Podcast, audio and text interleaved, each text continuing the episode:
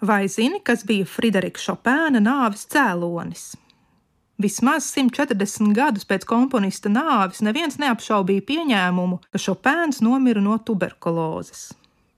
Šopēna galvenā slimība bija hroniska plaušu tuberkuloze. Tuberkuloze 19. gadsimta pirmajā pusē bija endēmiska slimība Ziemeļ Eiropā.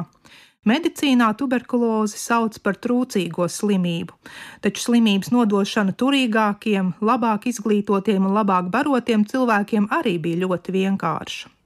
Tomēr bija ārsti, kas uzskatīja, ka tuberkuloze ir maz ticams Šopēna hroniskās elpceļu slimības cēlonis. Ar tuberkulozi viņš sadzīvoja 24 gadus. Šopēns bija 170 cm garš, visu mūžu svēra nepilnus 45 kg. Šopēnam bija izteikta tendence zaudēt svaru pēc elpceļa infekcijām, un turklāt viņš neievēroja ārsta ieteikto diētu. Zināms, ka viņu mocīja novājinošs hronisks klepus, kas bieži vismagākais bija no rīta. Jau 1980. gadu beigās parādījās pirmie zinātniskie pētījumi, kas meklēja dziļākus pierādījumus īstajam komponista nāves cēlonim. Tomēr 2017.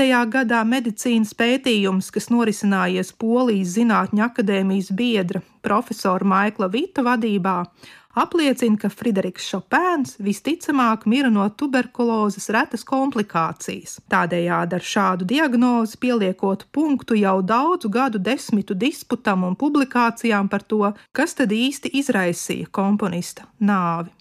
Šopēns mira 1849. gadā, un visticamāk nāves cēlonis bija perikardīts, kas ir hronisks tuberkulozes reta komplikācija.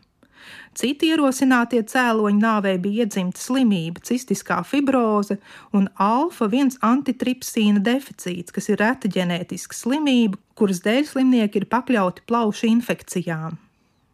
Ir izplatīts pieņēmums, ka arī Šopēna jaunākā māsa Emīlija 14 gadu vecumā mira no cistiskās fibrozes, Jāpiebilst, ka šī slimība atšķiras no tuberkulozes ar to, ka nav lipīga, bet gan ģenētiski, tātad ģimenē iemantojama. 2017. gadā Polijas pētnieku komanda bija pirmā, kas pārbaudīja šo pēnu sirdi kopš 1945. gada notikumiem. Pēc paša Šopēna vēlēšanās viņas sirds jau ilgstoši glabājas Varšavā, Svētā Krusta katoļu baznīcā, un mūsdienu zinātnieki pārliecinājās, ka tā joprojām ir perfekti noslēgta konjaka iepildītā burkā. Grupas līderis profesors Maikls Vits norādījis, ka šo burku nekādā gadījumā nedrīkst vērt vaļā, jo tas sabojātu tur esošo Šopēna sirdi un būtu poļu nācijas svētas relikvijas iznīcināšana. Turklāt zinātnieki ir diezgan droši, ka šoreiz iegūtās zināšanas ved pie patiesības par dižā ģēnija īsto nāves cēloni.